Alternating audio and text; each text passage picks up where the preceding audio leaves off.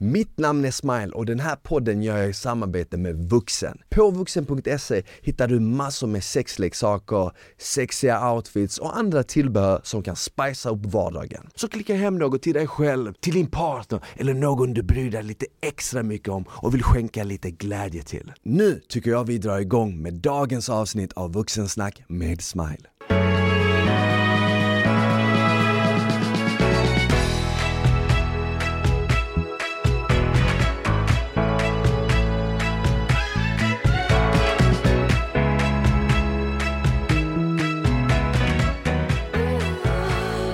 Hej och välkomna tillbaka till ett nytt avsnitt av Vuxensnack med Smile. Hoppas det är bra med er. Med mig idag i studion har jag en näringsfysiolog, författare och föreläsare, Kristina Andersson. Välkommen! Mm, tack så hemskt mycket! Eh, gav vi dig rätt titlar? Ja, Jag, jättebra. tror, jag glömde inget. Nej. Nej men vad bra. är det bra med dig? Jajamän, det är jättebra. Grymt. Hur är det själv? Det är bra, det är bra. Mm. Jag tog faktiskt en promenad ner hit idag för att eh, det är så fint väder. Ja, det är underbart. Och det är så komiskt för att för två dagar sedan så haglade och snöade och nu är det typ 15 grader nästan. Eh, Exakt, Ja. riktigt aprilväder. Verkligen. Men du är från Skåne också? Jajamän, Mm. Det är jag. Bor här i Stockholm nu eller? ja, har gjort det i eh, ja, drygt 20 år faktiskt. Okej. Det händer inte så mycket med dialekten kan Nej. jag ju då avslöja. Du har kvar den? ja. Men hur kommer det sig att du har lyckats bibehålla så mycket av den? Då? Nej, alltså jag har inte, det är ingen ansträngning Nej. utan det bara är så. Ah. Ja, det bara blev bra. så. Men det, jag, tror, jag tror ändå det är nice här i Stockholm, folk brukar reagera på Ja. det, eller hur? Mm. Och det känns ju, jag märker ju när jag liksom går i stan eller är man på tunnelbanan eller vad som helst och hör skånskan Mm. Så blir jag alltid så här glad direkt. Ja men exakt, visst blir ah. man. Ja, Lite så exakt. varm i hjärtat. Ja, exakt. Men du är ju näringsfysiolog. Hur Mm. kom du in på det här med näring och hälsa? Alltså egentligen, om vi ska backa riktigt tillbaka, så handlar det ju om att jag tyckte att eh, kemi och biologi var fantastiskt kul i skolan. Mhm. Eh, och vi hade en fantastisk lärare som fick det att vara så eh, häftigt. Ah, okej. Eh, som liksom gjorde liknelser med, jag är ju uppväxt i Ystad, Ja. och där fanns det ett regemente på den tiden. Och hon gjorde liksom liknelser hur eh, lumparna kom gående längs Regementsgatan och skulle gå till utestället på Starshine där tjejerna fanns. Alltså så här när hon skulle ha så liksom att joner attraherades av varandra. Exakt. Och liksom sånt gjorde ju att det blev ju häftigt att Hon lära skapade sig. bilder. Ja men exakt. Mm. Ehm, så det gjorde ju att oj den här världen är ju jättehäftig. Mm. Så då liksom ledde det ju in till det att kroppen tyckte jag ju var himla cool.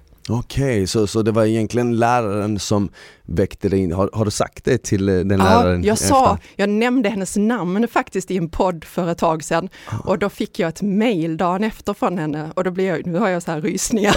Kul. för då var det så härligt att hon liksom eh, hade hört det. Ah, så. ah. Ja Ja. men vad roligt för att Mm. jag minns själv tillbaka till så här, just grundskolan kommer jag inte ihåg så mycket men gymnasiet Mm. kommer jag ihåg när man fick läsa lite mer djupdyka i så här, psykologi som var något jag brann för. Mm. Och eh, man märkte också vilken makt lärarna hade, eh, vilken inverkan de hade på en om de själva var väldigt engagerade i det här ämnet Exakt. som de läste ut. För att jag menar det finns ju säkert hundratals näringsfysiologer som inte är lika engagerade som du är. Och då kanske de helt plötsligt inte har samma effekt på andra. För man märker ju till exempel när du pratar om det, jag har ju lyssnat på poddar där du gästat och nu när jag pratar, det lilla jag pratat med dig så märker man ju att du brinner för ämnet. Jag tycker ju att det är så häftigt. Exakt, exakt. Så, så det som först var intressant var liksom det här biologiska och Mm, kroppen och mm. det.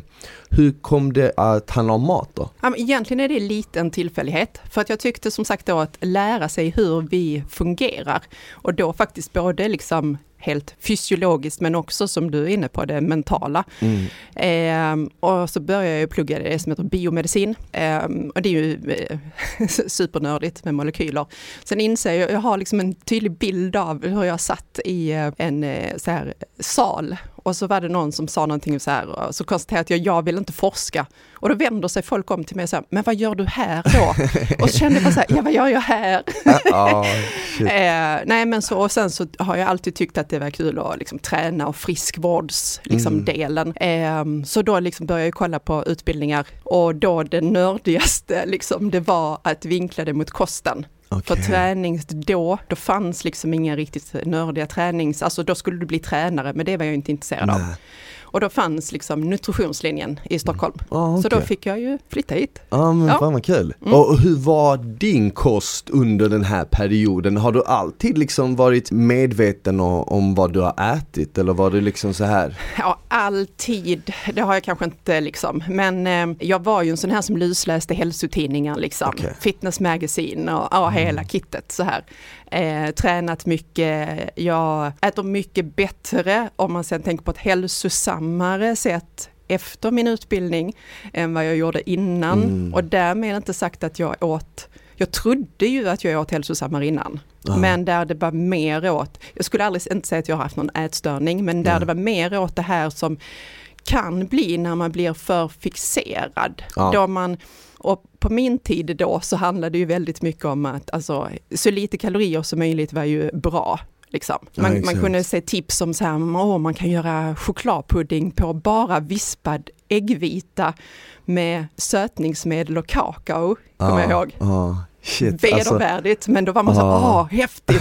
Och så trodde man att man gjorde något liksom rätt. ja, ja, ja. Ja men det känns ju, rent generellt känns det som att du får rätta mig om jag har fel, men det känns som att folk idag har ändå lite mer kunskap om kost generellt än vad man hade för 10, 20, 30 år sedan eller? Jo men det tror jag och framförallt så pratas det ju om det. Alltså, Det är då- ett ämne som är på tapeten Ja men mycket exakt, mer. Ja. och det är, vi- vi, är ju många som är ute och pratar om det också. Mm. Plus att vi ska ju liksom eh, helt så här eh, industriellt och vad som har hänt med informationsspridning. Det är ju också jättestor skillnad på de senaste 20-30 åren. Ja.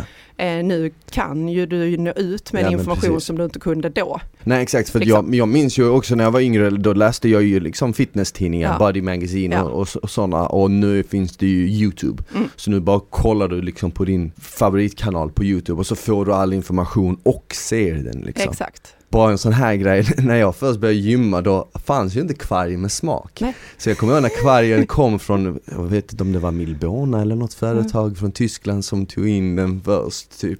Och då så, då så köpte man kvargen och så tog man Fun Light och så blandade det. man det liksom Mm. för att då fick man den här smaken Mm. man ville ha om man ville Mm. ha jordgubb. Folk vet inte det idag som precis har liksom, nu har ju kvarg med smak funnits länge Mm. så det är ju standard. Men bara sådana saker var ju inte tillgängliga på samma sätt. Nej liksom. exakt. Och nu är jag ju mycket äldre än dig så på min tid så fanns ju inte ens kvarg. Nej exakt. Nej men då, och då var det, och det är också en intressant sak för då var det inte ens protein, det pratades nästan inte om. Nej. Utan eh, då var det liksom så här low fat och lite kalorier, det är vägen framåt liksom. Eh, och det är också en intressant sak hur allt sånt med kunskap självklart, men också i trender eh, förändras ju. Ja för det är väl en, någonting som man förr såg ner på var ju till exempel förr såg man ju ner på fett. Mm. Eller det var, Mm. fett var den stora boven. Mm. Och sen så bara några år senare så vände det och bara oj just det vi hade fel. Nej men ni ska äta fett, Mm. fett är bra. Och sen var kolhydrater liksom boven. Och nu så pratar man väldigt mycket om hur viktigt det är med protein. Och det blir ju lätt att man som konsument blir väldigt förvirrad. Tänker såhär, okej men shit, fett är dåligt, fett är Mm. bra, kolhydrater är dåligt, kolhydrater är bra, vad ska jag äta liksom? Exakt. Hur tänker du kring det? Vad är det som styr? Vem är det som bestämmer vad vi ska äta egentligen? Det är ju en jättebra fråga. Ja. Och där skulle jag väl egentligen, om vi ska, då blir det lite filosofiskt, men det är ju du själv såklart. Mm. Så att man inte lägger allt för mycket det Nej. på någon annan. Nej. Men, eh, nej men alltså egentligen skulle jag vilja nyansera det lite för att många tror då att liksom att oh, men det är ni som kan någonting, ni kan inte bestämma er, typ. Eh, Men tittar vi i forskningen så har det ju inte svajat på det sättet, utan då finns det ju egentligen en ganska tydlig röd tråd. Ja. Men som visst, det finns ju liksom lite så här variationer åt olika håll. Ja. Medan de här stora liksom pendlingarna, att så här, åh, kalorier är farligt och fett är farligt. Nej förresten, vi skulle äta fett. Åh nej, nu är det kolhydrater som är farligt. Det är ju vad vi ser i media. Mm. Det avspeglar ju tyvärr inte liksom, eh, forskningen på det viset. Och sen förstärks, dels så skrivs det ju i media och sen förstärks det ju då av att företag hoppar på detta. Aha, det skrivs mycket om protein. Hmm, vi får nog ta fram en massa produkter med väldigt mycket protein i. Och så hjälps liksom allting åt till att bara hypa det för att mm. shit, det finns massa produkter med protein.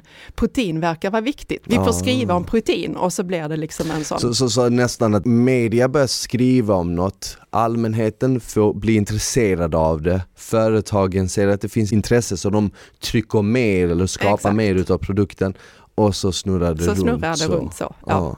Och just nu är det väl protein som är det heta, eller ja. då, då har det varit ett tag? Det har varit ett tag. Jag skulle nästan säga att vi kan, jag tror att vi är uppe på någon form av platå. Mm. Eh, om man tittar just på det här, vad är det för argument på produkterna som säljer? Eh, så tror jag att det börjar liksom ändå så här, mm. nu kan vi det där med protein. Eh, så nu, eh, exakt vad som kommer framåt vet man ju inte, men den gröna trenden är ju väldigt stor.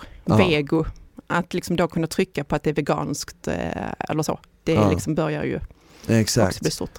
Precis, och förmodligen så, det känns ju som att allt fler människor vänder sig mot det också. Mm och börjar eh, käka mer grönt. Hur, hur, ser din kost ut i dagsläget? Ja, jag äter eh, alltså jag äter inte in på så här, något speciellt sätt. Nej. Liksom.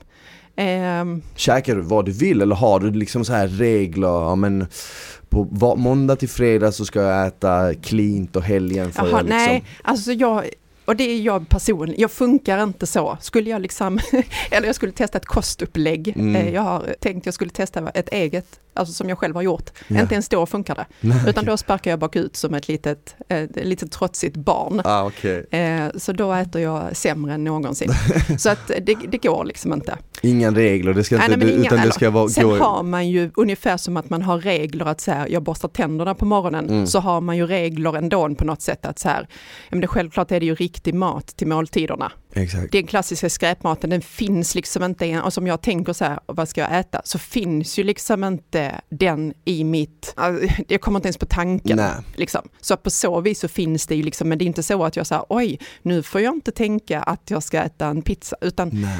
den har ju inte ens dykt upp. Men, aha, okay, men liksom. om du liksom så här cravar efter något som inte är nyttigt. Och det är någonting jag också vill komma in på för att nu ser man också en våg på sociala medier som säger det finns inget som är onyttigt, det mm. finns bara saker med mindre värdiga mm. kalorier och mer värdiga kalorier. Men först vill jag bara fråga dig, om du cravar något, vad går du efter då? Eh, om det inte är så här mat, är det typ sötsaker till exempel? Alltså det kan ju vara mat också. Ah, okay. Jag menar mer att så här, om jag tänker så här, jag ska äta lunch nu mm. och jag börjar tänka, undra vad jag ska äta, så finns liksom inte, ska du gå och köpa en pizza, finns liksom inte nej, med i min, nej. utan då är det så här, ska du ta lax eller kyckling eller ja, vego? Exakt, alltså exakt. så här, i vad man... Vad man är sugen på helt enkelt. Ja, men lika lite som det är liksom inte gåslever heller. Nej, nej, exakt, alltså, exakt, så det exakt. finns olika saker som mm. gör att man begränsar.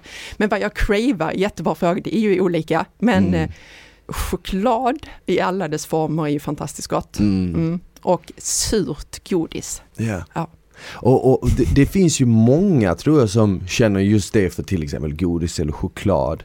Men många blir ju också väldigt um, sura på sig själva när mm. de har liksom fått i sig lite choklad eller lite godis. Precis som att de, de är lite för hårda mot sig själva. Hur ser du på liksom just det med till exempel sötsaker? Jag brukar oftast pusha om att att man ska tänka, se det långsiktigt, att man inte ska liksom haka upp sig bara för att du åt dåligt en dag så är inte världen över liksom. Det är så många dagar på ett år.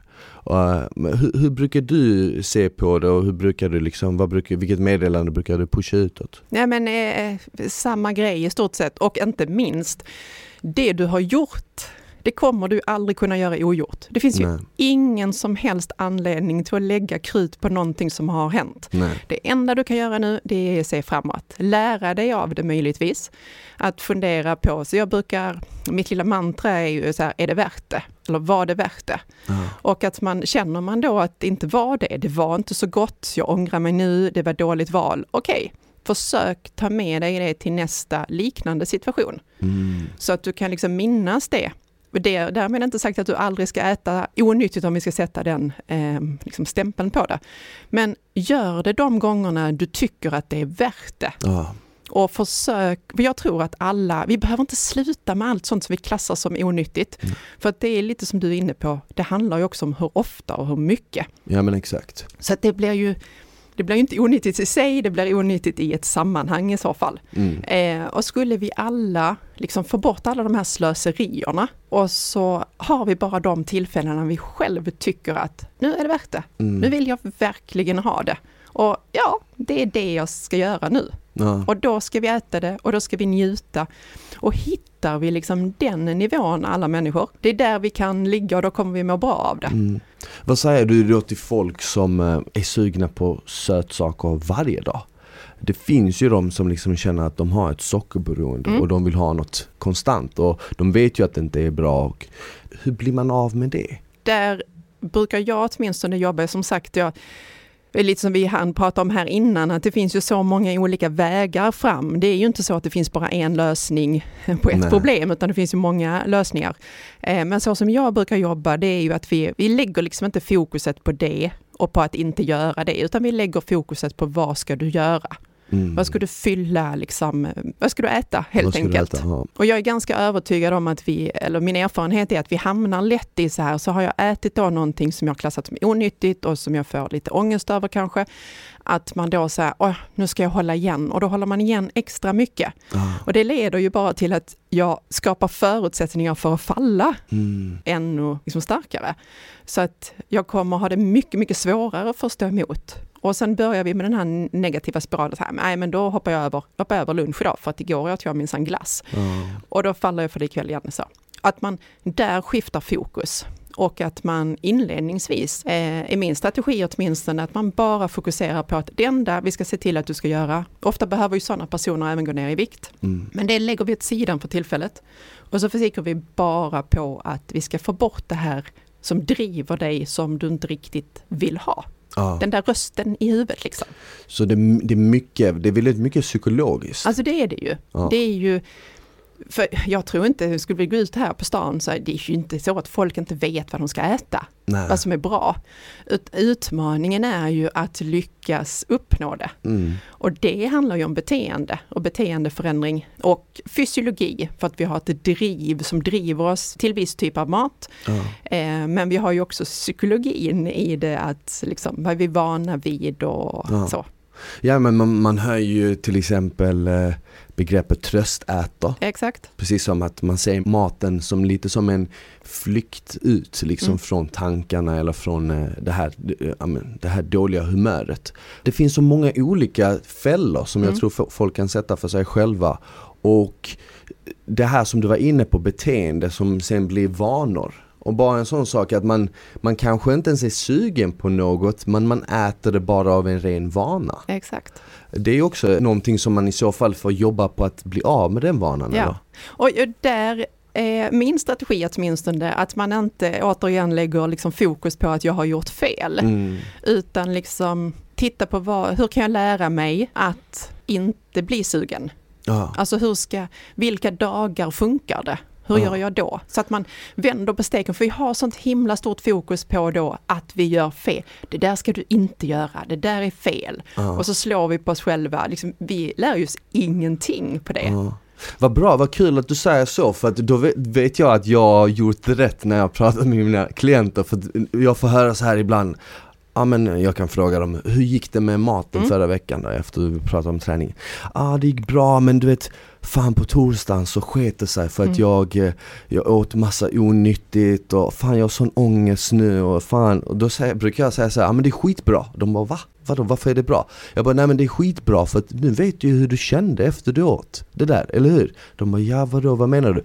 Ja men skitsamma vad som har hänt, du har redan ätit det, det är redan över, du lever. Men ta med dig den känslan du fick efteråt. Jag bara, hur kändes det? Ja men fan det kändes dåligt för att jag hade skött mig så bra och sen så Jag bara, men ta med dig den känslan och så nästa gång det där presenterar sig för dig så har du ju den där känslan i bakluckan och så kan du ta fram den och så kan du tänka men så, så, så som du var inne på lite, är det värt det? Om du tycker att det är värt det, då kanske du kan ta lite av det. Om du tycker att den känslan var jobbig och det förstörde liksom ditt flow, då vet du att du inte ska göra det. Och så blir det liksom lite enklare att tacklas med det. Exakt. Så det är ju mycket psykologiskt. Det är ju väldigt mycket psykologi. Ja, Mm. Jag hade faktiskt en tjej som, eh, som jag coachar nu som eh, skrev igår bara nu, nu måste du hjälpa mig, jag är på väg. jag kommer snart åka till affären och köpa någonting onyttigt. Säg något klokt. och då var det liksom också samma så här, det är ju inte att du får inte åka dit, det är liksom, utan då är det så här, men vad är det för känsla, vad är det som har hänt just nu? Eller vad är det för situation just nu som onyttigt skulle lösa? Ja. Och hon bara så här, nej, den kommer ju inte lösa någonting. Nej, Nej. vad är det liksom för känsla du vill förändra då? Ja, men jag är trött och uttråkad.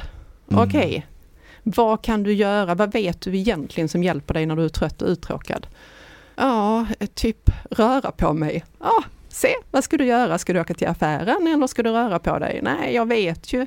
Om jag börjar liksom Mm. Sen är ju liksom hjärnan vet ju att belöningen är ju kortare, snabbare, mer intensiv av godis än vad det är av en löptur. Exakt. Så hjärnan kommer ju vilja att du ska ut. Det sunda förnuftet får ju där ta över och Precis. säga att vänta, jag kommer att må mycket, mycket bättre av löpturen än av godiset. Exakt. Och sen så hjälper det ju inte att vi blir bombade av liksom stora företag och marketing konstant som liksom vill sälja på dig de här grejerna. Exakt. Och till och med liksom att du, du kan bara gå förbi liksom ett ställe och så känner du doften Mm. av det och så väcker det Mm. gamla minnen och associationer. Men sen så är det också så här, många frågar ju mig så här, fan det känns ändå som du äter lite vad du vill. Hur, hur fan kan du liksom ändå vara i form? Och då brukar jag säga att det, men det är en lång process, jag har tränat det länge, det är inte liksom så här, det har inte hänt över efter en vecka. Men att man lär känna sin kropp med tiden och när man lär känna sin kropp så vet man ju också att det gör ingenting om du äter en pizza eller det gör ingenting om du tar ett glas vin eller vad som helst. Tränar du regelbundet och äter sunt för det mesta så är det okej. Och det är exakt det jag vill mest liksom få folk att förstå. Mm. Det är det jag försöker pusha mest för att livet är inte heller kul om man bara, bara tränar och äter superstrikt. Jag gjorde det när jag var yngre, när jag var 20. Eh, Då hamnade jag i en sån här eh, ond spiral där jag nästan utvecklade en ätstörning Mm. och bara åt tonfisk, kvarg och kyckling och tränade två gånger om dagen och visst, jag tappade allt fett på kroppen men sen så kom det en dag efter två, tre månader på den här strikta dieten då jag bara vräkte i mig kolhydrater och fick lust att spy efteråt. Så tänkte jag bara oh shit det här är ju inte bra. Nej. Eh, Det här är inte hållbart i alla fall. Eh, Så jag fick lära mig the, the hard way. Ja. Liksom. Men jag tror att än idag så tror jag att många ändå lever med, med de demonerna Mm. liksom, när man stoppar i sig något. Att fan, nu får jag inte äta lunch. Eller Nej, nu ska jag exakt. inte... Och det är nästan det värsta. Ja, jag håller helt med dig. Att det är, oh, det finns så många problem i det här med kosten och Mm. ett av dem är ju just det att idén om vad som är rätt Ja, är så långt ifrån vad som är rätt. ja. Alltså just att det ska vara som jag sa innan, att vad jag liksom, jag trodde att på min tid så var det lite kalorier då, ju mindre kalorier desto bättre är du. Men jag fick ju inget, tränade ju jättemycket och fick ju Ja. inga resultat. Nej. Och det är ju inte så konstigt, så skulle jag bygga muskler på. Det gör ju inte med lite kalorier. Nej. Och då trodde man så här, mer resultat om du kan du eh, göra din kålsoppa ännu mindre kaloririk liksom. Och inte på något, alltså, i tron att det var rätt väg. Och det har ju bara då som sagt skiftat. Och det är konstigt för att nästan alla man pratar med som jobbar i den här världen har ju en vettig inställning Mm. till det. Och då som du säger att många kanske tror att du, ja, men du är så himla vältränad och har så snygg kropp och så vidare så att du måste vara en av de här extremerna Mm. liksom. Och så är det inte alls så är det inte det utan du värnar då också om den här balansen. Ja. Men sen är det ju nyckeln är ju lite av det du säger att det handlar ju om långsiktigt. Ja. Du kan inte förvänta dig att du blir vältränad på en vecka Nej. eller att du går ner i vikt på en vecka. Nej. Å andra sidan går du inte upp i vikt och du blir inte otränad på en vecka heller. Nej att, ex exakt, exakt. Ja men det, det är nästan som, jag brukar jämföra det med typ tennis. Det är nästan som, du vet, det handlar inte bara om om du vinner eller förlorar en boll utan det är ju en del av ett set som är en del av en serie, som är en del av flera matcher, du vet, och så hänger det ihop. mm, Eh, jag själv ja, brukar alltid, ja men typ slarva väldigt mycket med maten runt jul. Jag slarvar rätt mycket med maten runt sommaren. Och det gör jag för att det är naturligt att göra det då. Inte för att jag vill, inte för att jag tänker så här, oh yes, nu är det Mm. liksom 15 december, nu ska jag i en månad bara vräka i mig allt. Utan det blir ju liksom mer, ja men middagar och på sommaren blir det mer grillning. Och då brukar jag bara tänka så här, ja men det gör ingenting att jag gör det, för de andra månaderna äter jag nyttigt och tränar liksom. Eh, Men eh, om vi går in på dieter, hur ser du på dieter? Eh, ja, det är ju en väldigt vanlig fråga Ja. jag får. Eh, alltså, jag har så svårt att svara någonting på det, för det beror ju helt och hållet på vad vi pratar om. Och för vem, och i vilket sammanhang. Har du själv varit på någon diet någon gång? Eh, och då, så här, vad menar du? Menar du dietande i fitnessvärlden? Eller menar du liksom keto, LCHF, jag menar, GI exakt, och jag så menar, vidare? jag, menar liksom? en, jag menar en diet med en tydlig titel och Ja. regler inom den som LCHF eller? Nej, jag har nog aldrig strikt klarat av det för att som sagt jag har tendensen att sparka bakut när jag försöker göra någonting enligt en Okej. plan. Jag måste lura mig själv Ah, okej, till sådana okej. saker i så fall. Så att, men visst, jag har ju experimenterat med kosten helt klart. Mm. Ehm, men så att det relevanta är ju inte vad vi kallar det. Och det är därför jag har svårt för att säga så här, vad tycker du om det? För att det beror helt och hållet på.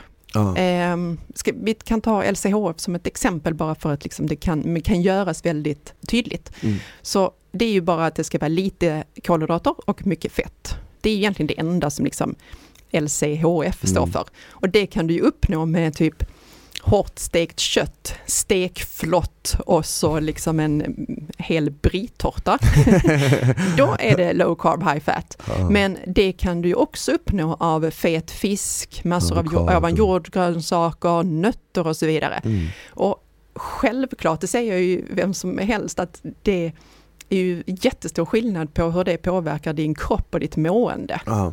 Så att därför sitter det ju väldigt, väldigt sällan i vad vi kallar dieten, utan det relevanta i alla lägen, det handlar ju om vad gör du? Vad de facto får du i dig? Liksom. Därför kan man också se människor som har fått fantastiska resultat av en diet och vissa som tycker att det var skit för just dem. Ja men det Exakt. där funkade inte alls och jag hoppade på den här dieten och det var inte... Men det, sen kan det också bero på hur kroppar är uppbyggda Mm. eller? Ja, absolut. Vissa finns ju- reagerar. Mm. Eh, Skulle du som ändå har studerat liksom näring mycket närmare än de flesta människor, skulle du säga att vissa är tar emot fett och kolhydrater bara på ett helt annat sätt? Ja, det finns, eh, och det här är ju liksom så här rätt så mycket i framkant av eh, forskningen, men mer och mer tyder ju på att ja, det finns ju individuella skillnader. Eh, troligtvis då genetiska skillnader. Eh, och det gör ju då att ehm, Ja men alltså det som vi generellt, för det är, eh, eftersom att vi inte har lagt hela det pusslet, Nej. så kan vi inte idag göra individuella kostråd på samma sätt efter gener. Det finns ju de som vill påstå det, men vi är liksom inte klara med det forskningsmässigt. Och därför får vi ju gå på råd som är mer generella. Okej. Men absolut, det finns ju de som kanske då framförallt inte har, eh, vad ska vi, vi ska ta något konkret exempel, Ehm, fiber generellt sett väldigt, väldigt bra. Men då kanske man kan se på några som har vissa genvarianter att eh, det inte har någon positiv effekt. Nej. Kanske inte att det blir negativt, Ja, men nej. att man kanske inte har så mycket nytta av det Ja. eh, som många andra har. Till exempel. precis. Och sen finns det ju, om vi pratar om vikt, så ser man ju att det kan vara ganska stor skillnad på hur mycket man lägger på sig av ett överskott. Och eh, det är ju liksom en av livets orättvisor. Så du, du menar att vissa bara rent genetiskt äter två pers tusen kalorier över vad de behöver Mm. få i sig så kan det finnas genetiska skillnader vad den ena lägger på sig, Ja. mer fett av det och Exakt. den andra på något sätt förbrukar mer Ja. i energi. Exakt. Ja. För eh, generellt sett så säger man att om vi konstant överäter så höjs också vår förbränning. Mm. Alltså så då slösar vi lite mer med energi. Eh, men det blir ju ändå ett plus. Men att den eh, graden är olika. Är en sån studie där de just överäter 1000 kalorier och eh, där eh, man ser att den här förhöjda ämnesomsättningen hos en del personer är så stor som 700 kalorier. Okej. Och det innebär ju att för den individen så är att äta 1000 kalorier mer egentligen bara som att äta 300 kalorier mer. Mm. Medan för en person som inte har det här så är det ju 1000 kalorier extra. Ah. Och vad vi kan Och det är för väldigt stor skillnad. Ja men det är ju jättestor skillnad. Mm. Sen är väl den här 700 är väl en extrem. Ja. Alltså så att de flesta funkar det ju ungefär likadant för. Men slutsatsen vi kan dra där är ju framförallt, för många tror ju å andra sidan så här, men jag räcker att jag tittar på en kanelbulle så blir jag överviktig. Och det finns ingen studie. Alltså någon har tittat på Nej och- exakt. Nej. Men däremot så kan det ju vara så som vi var inne på att alla blir inte överviktiga, lika överviktiga av ett överskott. Men du kan inte bli överviktig utan ett överskott. Nej, okej okej. För det, det var ju, alltså bara om jag liksom tänker tillbaka på skoltiden så var det ju En del kids kunde äta hur mycket som helst, jag var en av dem som kunde äta hur mycket som helst men ändå så gick man alltid runt och nästan såg mager ut. Och sen fanns det ju de som blev väldigt stora av och knappt hälften så mycket mat liksom. Mm. Sen kan man ju också säga att ja, men vissa kanske rör sig mycket mer och vissa rör sig inte alls. Och det är väl också, det har väl också tillbaka till eh, gener och sånt och, och, Mm. och, typ val vad man väljer, om man väljer att gå på någon sport eller Ja, uta, vad, man, vad man har för hobby rent Ja. av intressen. Ja. Och där är ju också sånt som vad, vad, man, vad har man lärt sig är ett normalt beteende. Alltså Ja, mycket exakt. kommer ju från föräldrar och så vidare. Hur gör vi? Jo, i Mm. den här familjen man rör sig eller nej, vi sitter still. Alltså det är liksom så. Jag vill bara nyansera det eh, och säga att till allra största grad så förklaras övervikt och sånt av just din, ditt totala energiintag Ja. och din fysiska aktivitet och så storlek på kropp och sådana saker. Så att, men det är mer att utöver det så kan det även vara sådana här skillnader. Så att den genetiska faktorn finns där, Ja. men de allra flesta, det är ju ändå så att om vi pratar övervikt så 51 procent av Sveriges befolkning, vuxna befolkning är överviktig eller har fetma. Mm. Och det är inte Och det är siffror som som också har ökat. exakt jag, har, jag har haft en Ja. överviktsforskare i Ja. podden tidigare och det är också någonting som har ökat med, eh, med åren. Mm. Om man kollar jämfört med 70-talet Exakt. fram till idag. Liksom. Ja. Vi, i, inom fitnessvärlden så har vi någonting som kallas cheat day eller det. så cheat meal. Mm. Det är olika och jag minns själv så hade jag för cheat meals eller så hade jag en cheat day och det vill säga att jag hade en dag i veckan, oftast var det söndag, då jag liksom käkade exakt allt jag ville käka. För att måndag till lördag så var jag väldigt, rätt strikt med maten. Men jag åt mycket. Folk i min närhet blev förvånade hur mycket mat det var men det var ändå strikt liksom. Och sen på söndagen så åt jag lite vad jag ville. Idag har jag inte det men jag kommer ihåg att jag hade det och, och det funkade för mig. Mm. Hur, hur ser du på liksom att ha så här en cheat day i veckan? Är, är, det en bra taktik för att lyckas upprätthålla något? Som, som en sån här lite striktare kost? Ja, det kan vara. Ja, det är lite samma sak som det där med dieter. Att Mm. eh, jag tror inte på att vi ska liksom försöka sätta så här, det här är lösningen. Nej. Utan det gäller ju att hitta vad funkar för dig. Det Mm. finns ju en, en eh, psykologisk bra grej i det i form av så här att det är aldrig mer än sex dagar Ja, ja, ja. tills du får äta det du är sugen på. Sen finns det ju problematik i det och det är ju att du lyfter ju upp det där Exakt. onyttiga på en piedestal. Och Ja. allt fokus kommer ju på det som du egentligen, om du tittar på ditt mål, vill undvika. Så att jag skulle väl säga att eh, du sa ju det funkar för dig och då, kör. Mm. Men att man inte bestämmer att det måste vara så. Nej. Utan att man där också tar hem det till sig själv och funderar så här, vänta, mår jag bra av detta? Eller är det så att jag sex dagar i veckan går och tänker bara på mitt cheat meal, liksom. Då är det ju inte så kul liv. Nej, verkligen inte. Och Som- sen liksom kalorimässigt så handlar det ju om ett, ett netto på dagsbasis, veckobasis, månadsbasis och så vidare. Så att då handlar det ju om hur stor del blir det i din kost totalt sett liksom. Exakt, Mm. exakt. Och så som du var inne och sa, ja men då vet du inombords att det är bara sex dagar i veckan och det är aldrig liksom mer än det och sen kommer, men då blir det också en, kan det också bli en omvänd psykologi. Så nästan att du, du säger till dig själv att jag äter tråkig mat sex dagar i veckan och jag får bara äta god mat en dag i veckan. Exakt. Och det, kan också bli en problematik. Att du nästan eh, lyfter upp den här Mm. onyttiga maten på en piedestal så att du säger till dig själv att ah, de andra dagarna suger indirekt. Mm. Och det är också någonting som jag känner, det var därför jag slutade med det Mm. också faktiskt. För att jag kände bara så här, jag bara men fan, fan det är nästan som att jag tycker att jag äter dålig mat de här andra Exakt. dagarna eller tråkig mat Ja. eller livet suger Ja, liksom men måndag till, eh, till lördag och sen på söndag Ja. då är det nice. Och lösningen var ju att, eh, att inte förbjuda Nej. något. Sen behöver du inte, och det är det jag gillar och jag gillade det med det du sa innan också om eh, hur du liksom släpper på tyglarna lite under vissa Mm. perioder utan att för den delen vara så, "Ah, nu är det den 15 december och Men så. Eh, och det var ju den egentligen balansen jag tänker med det här, är det värt det? Och som jag tror att det är det, det är hälsosam kosthållning. Mm. Det är att hitta den balansen för just mig Ja. så att säga. Och det behöver ju inte, alltså att det inte blir för stort fokus på det är ju samma sak som att varför tränar man? Tränar man för att man älskar sin kropp och vill liksom ge den det den behöver? Exakt. Eller för att man hatar sin kropp och att den är ful eller dålig eller så. Mm. Eh, så kan man ju göra med samma sak med kosten. Att det är liksom inte, att det är så stort fokus på att vi ska inte ge det, alltså vi ska inte äta för mycket kalorier för att då blir det negativt. Istället för att säga att men fyll din kropp med rätt grejer så du gör de värsta förutsättningarna eller bästa förutsättningarna för att den ska funka och du ska må bra. Ja. För att om man bara tar ner det till, istället för att vi fuckar liksom in maten i så här bra och dåligt. Så om man bara backar tillbaka och tänker så här, men vad vill jag ha ut av maten? Mm. Hur vill jag känna?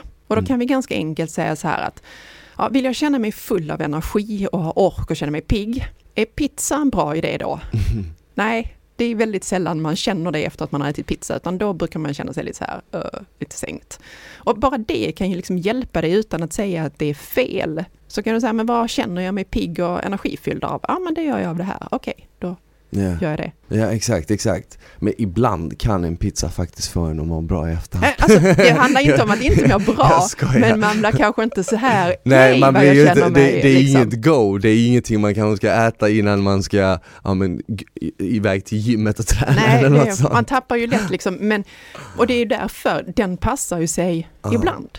Exakt. Och det är där man har det, då, då är Och det är den kanske, balansen. Ja, och då är det kanske på det du sa det här att men nu börjar det bli liksom lite otrendigt att prata nyttigt och onyttigt. Mm. Och det är ju precis det där att du kan ju inte säga att den är onyttig, Nej. men däremot så är det ju inte ett hälsosamt eh, kostbeteende att äta det varje dag. Nej men verkligen. Ja men det är lite som, eh, det här låter ju sjukt kanske, men det är lite som godis till exempel. Godis generellt, det kanske är för mycket av det är inte onyttigt. Men jag vet ju att om jag äter lite godis innan jag ska dra iväg och träna, då får jag en mycket bättre pump på gymmet på grund av de snabba kolhydraterna, d- sockret som finns i godiset. Så att jag använder nästan det som, som ett verktyg Mm. till att få bättre resultat när jag gymmar, och det eller bättre resultat för stunden när jag Mm. gymmar. Och det i sig låter ju jättekonstigt men men eh, det var ju någonting som man, som man lärde sig att det finns egentligen inget som är bra eller dåligt.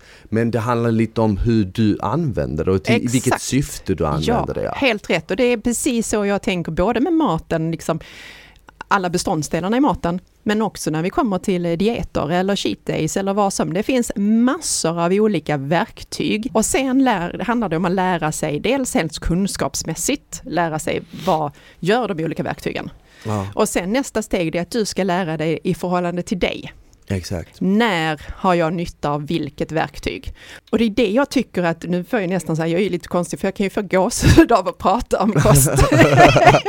en liten störning. Eller sen när jag undervisar, för att det är precis det jag vill lära ut. Ja, Så här att, alltså lär dig maten som, inte rätt och fel, utan det här är nycklar och pusselbitar. Ja. Och sen lägger du ett pussel utifrån varje individ. Vem är det vi pratar om? Var står personen idag? Alltså är det överviktig eller är det redan vältränad person? Vad är målet? mm, Och hur funkar människan? Alltså beteendemässigt, vad mår den bra av? När funkar det? Precis. Så man inte bestämmer att nej det här verktyget ska fungera så här, ja, fast det gör inte det i den här situationen. Ja. I den här situationen är det bättre att du använder det här verktyget. Mm. Och det är ju det som är det häftiga. Skulle det vara så att det finns en, ett sätt att äta som är rätt för alla, då skulle det vara jättetråkigt att jobba Ja, med det här. Verkligen. Ja, ja men, men det är ju så som du säger, det är ju liksom vad är det, sju miljarder människor Mm. på planeten, alla är olika, olika livsstilar, Mm. Olika kroppar, så det är omöjligt att säga men, att det är svart eller vitt. Mm. Det går ju inte bara. Nej, och jag tror att det är det som gör att många tycker att det är svårt. Ja. Och det upptäcker jag ju då som sagt när jag under, jag har ju utbildat PTs och kostrådgivare i 15 års tid. Och oftast där när man, när man är så fast vid att, men vänta nu ska du säga vad är bra och vad är dåligt. Mm. Och när man inte får det svaret, det är väldigt frustrerande, Ja. utan man hela tiden får svaret det beror på. Alltså att lär dig att eh, de här som sagt pusselbitarna, verktygen funkar på olika sätt och sen det som är ditt jobb, det är ju att hur ska jag lägga det här pusslet för Ja. den här individen eller för mig själv. Det är ju som vi pratar om, så här, vad ska jag få förhållningssätt till julen eller vad så, och hur Mm. mycket kan jag släppa? Det går Exakt. inte att säga, det får ju också så här, hur ofta kan man äta godis? Ja. Ja. det beror på vad äter du i övrigt, vem Ja. är du, vad vill du uppnå, var, var, är, var är du, ska du tävla i fitness Ja. eller eh, vill du bara må bra eller vad är liksom, Ja men exakt, det är ingen big deal om du liksom, för många som vänder sig till mig har kanske haft en annan PT tidigare och de har inte fått salta maten, det har varit noll kaffe, noll alkohol. Och sen så kommer jag och är så här, ja men du kan absolut ta något glas på helgen, vill du dricka absolut kaffe, eh, så här, energidryck, allt? Och så blir de lite så här chockade och så säger jag alltid så här, men är ditt mål att liksom tävla, stå på en fitnessscen med liksom noll gram fett på kroppen? Nej, ja men då är det inte så, då, då- måste du inte vara så strikt och så hård mot dig själv att du liksom förbjuder förbjuder dig själv att äta något som inte har med liksom torsk och jag vet inte broccoli att göra liksom. Och det är också, det är tillbaka till det där eh, som du sa, det är så svårt att svara på den frågan och därför blir folk kanske också frustrerade. Jag vet ju att periodiskt fasta är någonting som har varit populärt länge och det kommer i vågor och, och, och folk brukar fråga mig oftast "Ja, men vad tycker du om det? Och jag har själv testat det bara för att liksom få erfarenheten av, av att kunna säga vad jag tycker om Mm. det. Och eh, för min del funkade det. Men jag hade inte heller ett jättefysiskt arbete som krävde väldigt mycket energi fram till lunch. Liksom jag satt på ett kontor och då funkade det. Men om du kanske ska ut på en byggarbetsplats sex på morgonen eller jag vet inte, du kanske ska lyfta tunga möbler på en flyttfirma eller vad som helst. Då kanske periodiskt fasta vad du inte äter fram till 14.00 är jobbigt Mm. och förmodligen inte för dig. nej. Nej, och sen vi kan göra det ännu enklare så här, mår du inte bra av det, Ah. då är det inte för dig. Oavsett egentligen om du eh, sitter still eller, och vad händer med dig sen när du får äta? Och det, då är vi ju där under dieterna igen, att det relevanta är inte som då i periodiskt fasta att inte äta under just de här 16 timmarna, utan det som kommer att avgöra hur du mår av det, det är vad gör du? Vad äter du under de åtta timmarna du äter? Ah. Liksom. Jag måste fråga dig där, hur ser du på kött till exempel? Tycker du att vi kan klara oss bra utan det? Eller tycker du att vi bör få i oss lite kött någon gång under veckan? Eh, intressant fråga och jag har en liten, eh, liten tes Ja, eh, som kan vara lite provocerande i vissa sammanhang. Eh, nej, vi behöver inte äta kött om vi tänker så rött kött. Vi Mm. behöver inte äta det. Det är Nej. liksom, det klarar vi oss utan. Eh, jag tror dock att det kan vara smart att vi äter lite och framförallt tjejer. Okej. Kanske är det så. För det, fin- det är ju utmaningen med köttet. Det är ju både ur hälsoperspektivet men kanske framförallt ur klimatperspektivet. Mm. Och när man, eh, då finns ju den här Eat Lancet-rapporten, om det är någon som är intresserad av nörderi kring det. Då har man gjort, just lagt ihop klimatperspektiv och näringsperspektiv. För det är inte alltid att de hänger ihop. Nej. För kött bidrar ju med jättemycket bra saker också. Till exempel järn. Och vem är det nu som behöver mer järn? Jo, det är tjejer och kvinnor i fertil ålder. Behöver dubbelt så mycket som er män. Mm. Så om det nu är så att vi som människor inte har råd så att säga att äta mer än ja, 100 gram kanske i veckan, om vi skulle sluta på alla. Mm. Är det kanske då så att det är vi kvinnor, framförallt unga kvinnor, som ska få lov att få den potten så att Ja, säga, ja, ja. som egentligen behöver den. Och så kan eh, i så fall ni nu, jag säger det lite Ja. för att bara lyfta som en liksom så här tankeverksamheten. Exakt. Det är kanske män som inte ska äta kött, som inte behöver järnet på samma sätt. Mm. Men om man säger då att man kan få järn via tillskott, Ja, är inte samma sak? nej. Eller det är det ju, du kan ju få järn på det sättet men eh, kan ju liksom aldrig slå effekten av mat. Nej. Nej. Men, men, men gäller det här, nu, nu pratar du endast om rött, du kollar, kikar inte på fisk och eh, fågel till exempel? Nej, i, i min värld så är kött, alltså när vi pratar om så, så är det liksom rött kött, det är där vi har liksom, det är där vi kan diskutera hälsoproblem. Ja. Och det är det som sticker ut när vi pratar klimat. Pratar vi inte rött kött, och rött kött är ju kött från fyrbenta djur. Eh, pratar vi fågel och fisk så har vi ju inte alls samma, varken ur hälsoperspektivet, det finns ju inga kopplingar på att det skulle vara negativt för vår hälsa. Och inte alls samma påverkan ur klimatperspektivet heller. Mm. Ja, det, är ju intressant för att när man pratar med folk så har ju alla liksom det är nästan som att alla har fått sin information från olika källor och alla tro, tror ju religiöst Mm. på det här. Ehm, så jag kan tänka mig att det blir en hel del debatt om man liksom så här tar upp vissa saker. Och Du, du har säkert hamnat i diskussioner förr kanske med folk som säger att, ja, men, eh, alltså, att, vi, att vi inte ska äta kött Mm. för att vi är, eh, vi kan klara oss bra utan det och människor eh, gjorde det i hundratusentals år, klara sig utan kött liksom. Men sen finns det de som säger att ja, men det var tack vare kött som vi faktiskt liksom blev den vi är idag på grund av proteinet som gjorde så att ja, men hjärnan kunde bli större och allting liksom. Så det är alltid intressant att liksom höra olika, olika åsikter kring det.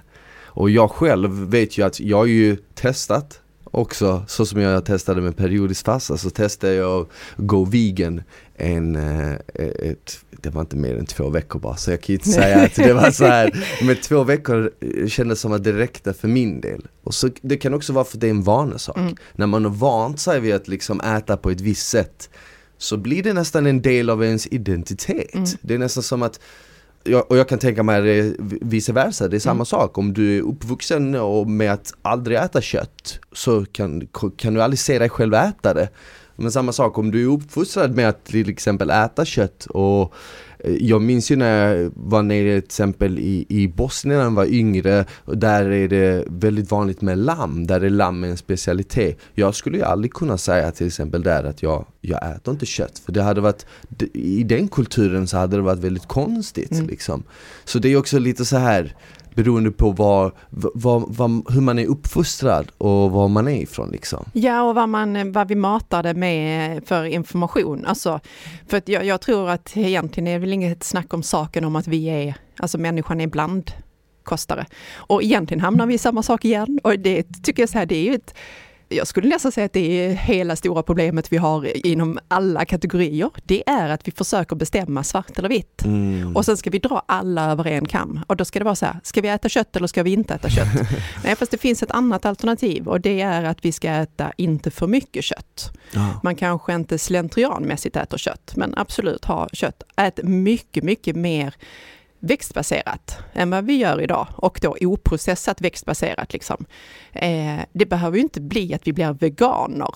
Nej. Och sen har vi liksom den här att vi ska liksom, vi verkar ha, även om vi bor i landet lagom, så Nej. har vi svårt för det där liksom.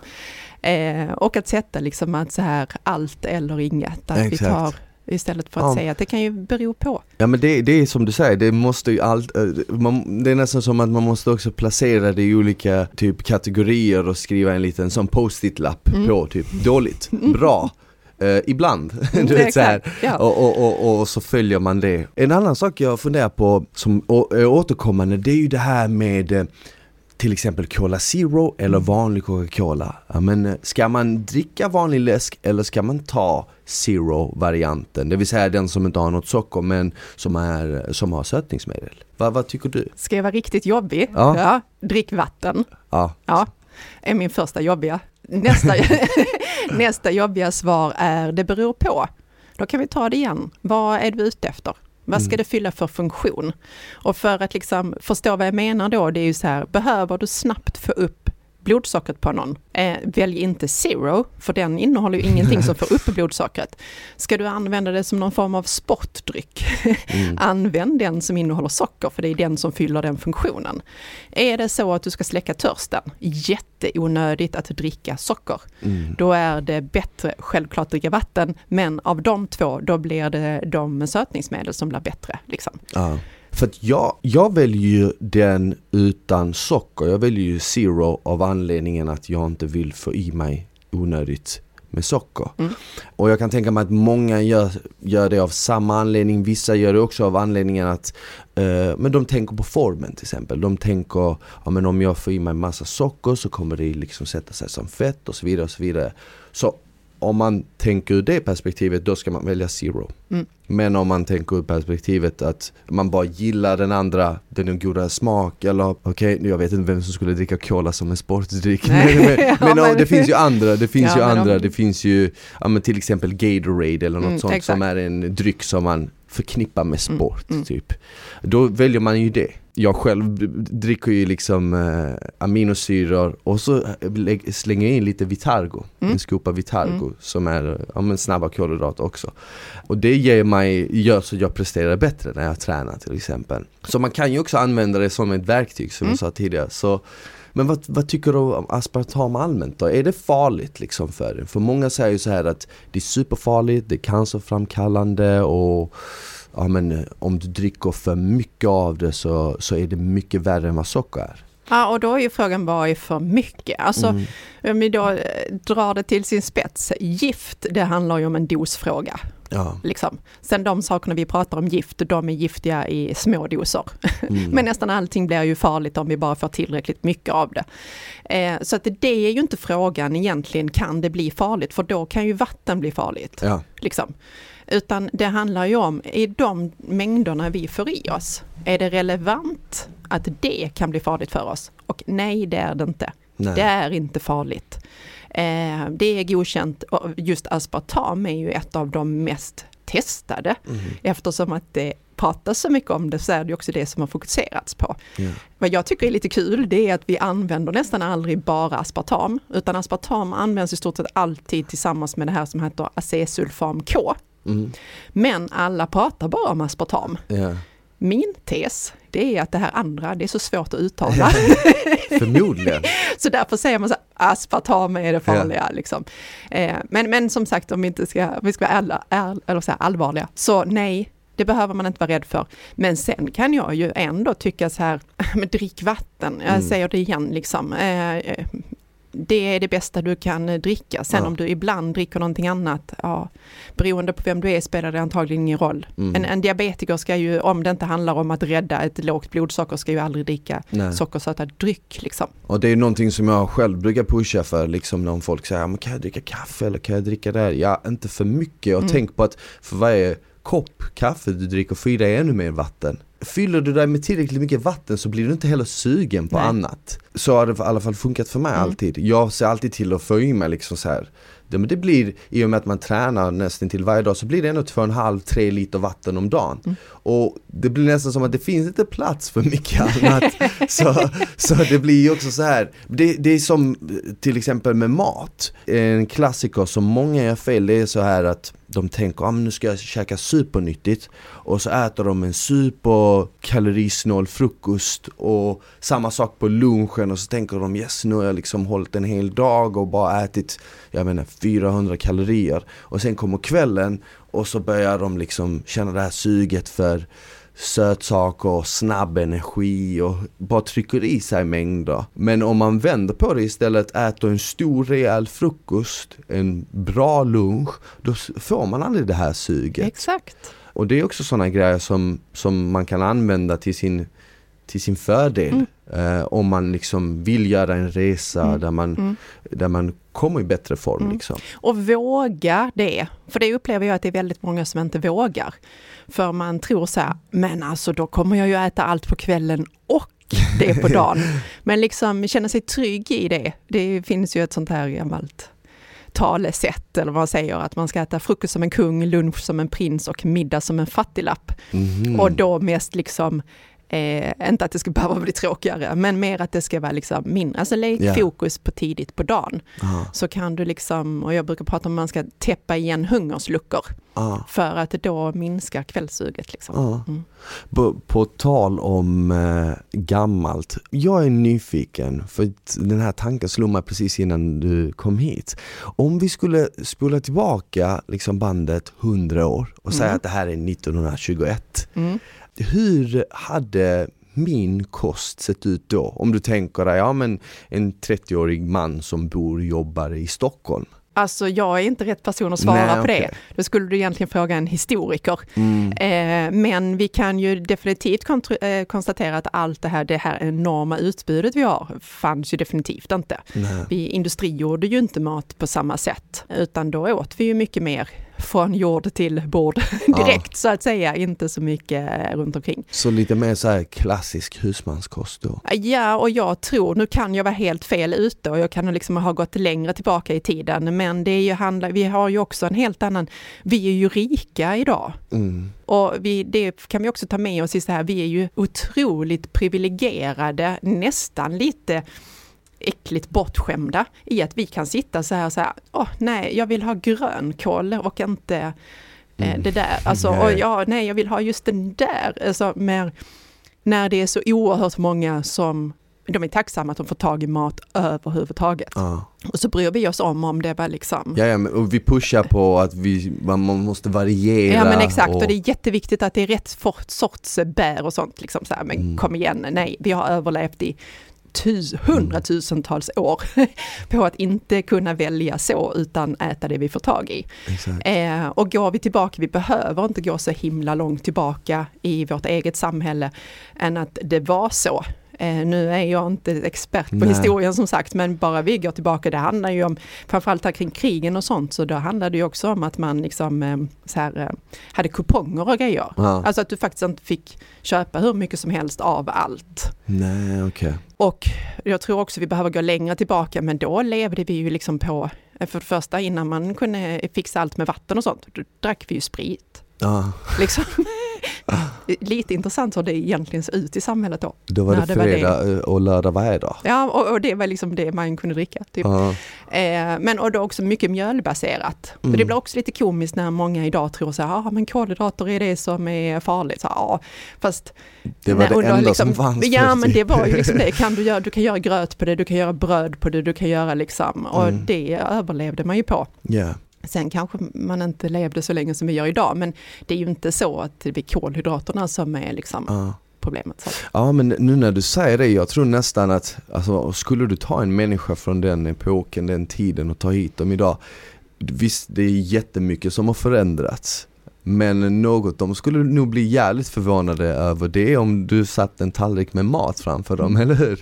Vi, De bara liksom beroende på vad det är för mat, men Ja absolut. men, ja, men exakt, med tanke på att det finns så mycket idag som, som liksom som inte fanns då, bara så här olika bars och Mm. olika produkter på hyllorna som, som, som aldrig fanns då. Men hur ser du, eh, om vi tänker framåt, och hur ser du på all den här avtrycken som vi har på planeten, miljön, klimatet, allting. Vad tror du, hur tror du vår kost kommer ändras med tiden? Oj, det är, jag tänker att det kan ta så många olika vägar. Jag hoppas ju att vi fort, vi fort, även om vi är väldigt privilegierade nu, att vi faktiskt kan välja vad vi vill, att vi kan fortsätta göra det, men att vi Mm. gör det på ett, att vi tänker till lite mer.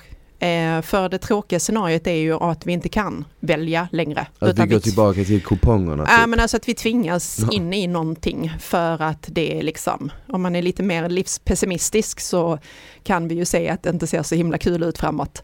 Eh, ett annan, en annat scenario det är ju att alla som tror på väldigt mycket på teknologin och att vi kan designa det mycket mer. Det finns ju de som tycker att det skulle vara smart om vi kan lösa det utan mat. Ja men de har väl, har de inte typ i princip 3D-printat mat Det har de säkert gjort ja. i ja. dagsläget? Mm.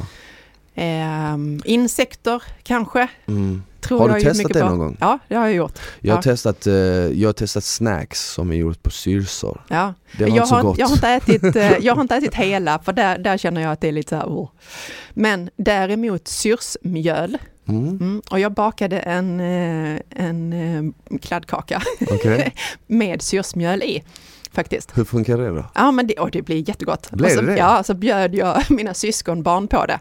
Eh, och så sa jag så, oh, nu äter ni gräshoppor. Jag kollade med föräldrarna först såklart, så att Ja, de, tyckte att det var fine. Men de bara, åh vad häftigt.